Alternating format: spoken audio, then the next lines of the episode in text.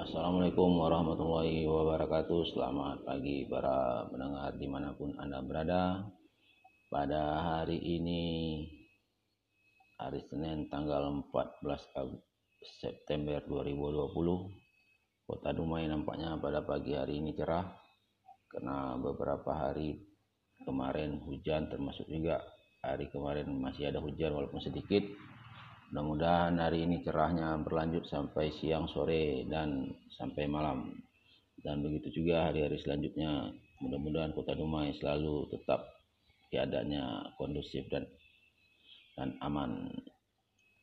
Mudah-mudahan ini terus berlangsung sehari-hari selanjutnya. Pada episode kemarin kita membicarakan tentang Piala Dunia 1982. Pada pagi hari ini kita melanjutkan pada edisi selanjutnya yaitu Piala Dunia 1986. Piala Dunia 1986 ini sebenarnya yang ditunjuk menjadi tuan rumah pada waktu itu adalah Kolombia tetapi Kolombia tidak bersedia karena sesuatu hal maka Piala Dunia tetap dilangsungkan di Amerika di benua Amerika tetapi tidak di Amerika Latin tetapi di Amerika Utara yaitu di Meksiko. Meksiko adalah penyelenggara Piala Dunia pada 1970 dan pada waktu itu 1986 adalah untuk kedua kalinya Meksiko menjadi penyelenggara Piala Dunia. Mengapa pada waktu itu Piala Dunia masih banyak negara keberatan untuk menjadi penyelenggara karena masalah dana. Tetapi sebenarnya semenjak Piala Dunia 1974 itu tuh pihak sponsor udah mulai ikut tetapi belum begitu banyak kalau kita lihat sponsor pada tahun 1974 itu Adidas sebagai peralatan olahraga dan itu sebenarnya berlangsung pada, sampai se sekarang ini Adidas menjadi sponsor utama daripada kejuaraan dunia sepak bola. Tetapi pada waktu itu mungkin pihak-pihak lain belum banyak yang mensponsori maka Kolombia mengundurkan diri dan ditunjuk oleh FIFA sebagai gantinya adalah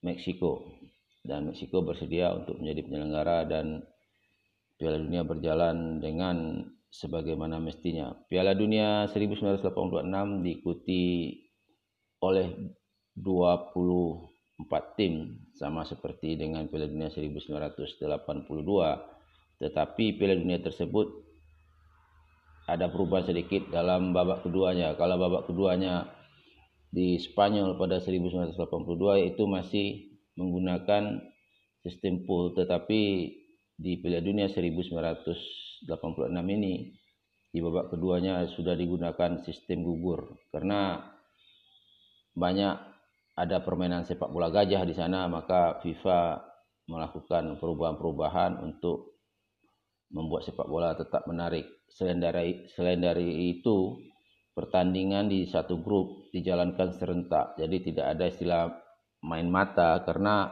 kalau ada suatu tim yang bermain lebih awal dan pemain tim yang kedua bermain, bermain kemudian maka ini ada dicurigai bermain mata seperti terjadi di Piala Dunia 1978 di mana Argentina bermain dengan Peru di partai terakhir maka mereka bisa membuat skor menjadi yang sangat mencolok 6-0 sehingga merugikan pihak Brazil pada waktu itu. Maka pihak FIFA berusaha untuk membuat perubahan-perubahan dari waktu ke waktu sehingga sepak bola menjadi permainan yang menarik jadi dari 24 peserta Piala Dunia tersebut, Asia diwakili oleh Korea Selatan dan Irak.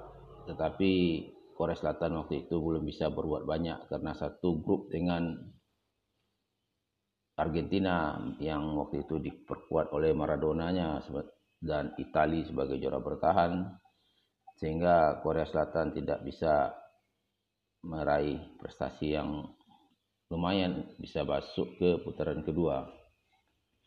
Jadi dalam pertandingan putaran kedua dilakukan sistem gugur, maka begitu juga selanjutnya. Dan yang paling menarik di Piala Dunia 1986 ini adalah bagaimana seorang Maradona dia menunjukkan kehebatan dia sebagai seorang pemain sehingga menjadi suatu yang menarik dibicarakan kalau Piala Dunia 1986 ini adalah dengan Maradona sehingga Piala Dunia 1986 tidak lepas daripada seorang Maradona pada babak perdelapan final ah, terjadilah pertempuran atau pertemuan antara Inggris dan Argentina. Di sini Maradona ah, menunjukkan ah, kehebatannya sebagai seorang pemain. Yang pertama dia bisa melewati pemain Inggris banyak lima orang dan meraih gol. Yang setelah itu dia menciptakan gol dengan menggunakan tangan yang dikenal dengan hand of God tangan Tuhan. Jadi gol tersebut tidak menggunakan hal yang sah dalam sepak bola seperti kaki, kepala, tapi menggunakan hal yang dilarang dalam sepak bola itu menggunakan tangan.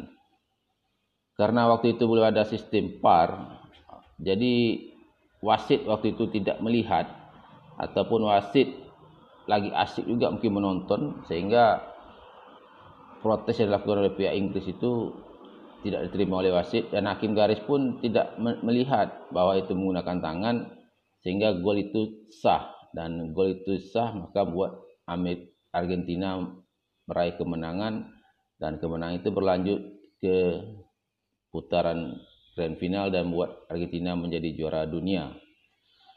Yang menarik lagi dari pertandingan Inggris dan Argentina ini adalah dikait-kaitkan dengan perang Malvinas yang mana waktu itu Argentina dan Inggris melakukan ada pertikaian mengenai Pulau Falkland sehingga Argentina merasa sepak bola ini adalah untuk arena balas dendam mereka karena mereka kalah di perang Falkland. Tetapi sebenarnya itu tidak ada hubungan dalam sepak bola karena sepak bola ini adalah olahraga mengadu keterampilan dan skill bagaimana meraih kemenangan untuk memasukkan si kulit bundar ke gawang lawan sehingga kita meraih kemenangan. Tetapi pihak media selalu mengait-ngaitkan hal-hal tersebut supaya pertandingan menjadi lebih menarik dan dapat perhatian luas dari dunia. Dan Argentina di lapangan sepak bola dia meraih kemenangan walaupun di dalam medan perang mereka kalah. Dalam pertanding dalam kejuaraan 1986 tersebut yang menarik juga dari Afrika kalau 1982 Aljazair bisa mengalahkan Jerman tetapi tidak masuk ke putaran kedua tetapi pada Piala Dunia 1986 Maroko salah satu wakil dari Afrika bukan bisa saja mengalahkan Portugal tetapi mereka masuk putaran kedua dan menjadi tim Afrika yang pertama masuk ke putaran kedua. Kalau Asia sudah masuk ke putaran kedua pada tahun 1966 di Inggris yang diwakili oleh Korea Utara pada waktu itu. Tapi sayang Maroko pada waktu itu langsung ketemu dengan tim Panzer, tim Jerman, salah satu favorit juga dan Maroko tidak bisa berbuat banyak dan harus menerima kekalahan daripada tim Panzer. Sementara Asia, Irak dan Korea Selatan seperti saya katakan tadi masih bertahan di dalam grup, belum bisa masuk ke putaran kedua. Dari 24 tim tersebut, maka Argentina setelah mengalahkan Inggris ketemu dengan Belgia di semifinal. Sementara semifinal satu laginya antara Jerman dan Prancis. Kalau kita lihat pada Piala Dunia 1982 mereka ketemu di semifinal juga dan Jerman meraih kemenangan melalui adu penalti. Tetapi pada Piala Dunia 1986 ini Jerman meraih kemenangan 2-0 tanpa adanya adu penalti. Begitu juga Argentina mengalahkan Belgia dengan angka 2-0 sehingga Argentina dan Jerman ketemu di final.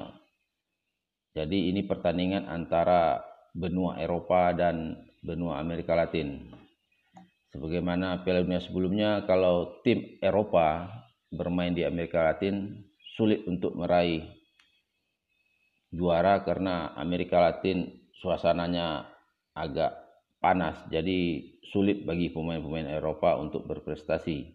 Sementara di Eropa suhunya agak dingin, kalau lagi musim dingin maka Eropa itu dia lebih gampang bermain di suasana musim dingin daripada bermain di panas karena Meksiko udaranya juga panas dan ini terbukti di lapangan memang Jerman belum mampu mengatasi Argentina dan Argentina meraih kemenangan atau kejuaraan mereka yang kedua pada 1986 ini karena pada Piala Dunia 1978 mereka juga meraih kejuaraan yang berlangsung di negara mereka sendiri. Jadi di Piala Dunia 1986 ini tetap dipegang oleh tim dari Amerika Latin. Sementara Brazil waktu itu tidak bisa banyak dikalahkan oleh Prancis di perdelapan final atau delapan besar sehingga Brazil tidak bisa mengulangi keberhasilan mereka pada tahun 1970 di mana Pele dan teman-temannya berhasil merebut Piala Julius Rimet untuk yang ketiga kalinya dan menjadi piala milik Brazil untuk selama-lamanya. Jadi sementara itu itu yang dapat saya sampaikan mengenai Piala Dunia 1986 hal-hal yang menarik dan yang terjadi pada tahun-tahun tersebut. Mudah-mudahan besok kita bisa berlanjut ke Piala Dunia selanjutnya, Piala Dunia 1990 yang berlangsung di benua Eropa, ya tepatnya di Italia. Sementara hari makin siang dan karena hari ini hari Senin, aktivitas daripada warga Kota Dumai mungkin agak lebih sibuk sedikit karena awal daripada pekerjaan karena hari kemarin sudah libur dan hari ini aktivitas agak lebih banyak sehingga suasana pun menjadi lebih menarik. Itu yang dapat saya sampaikan pada pagi hari ini. Akhirul kalam. Assalamualaikum warahmatullahi wabarakatuh.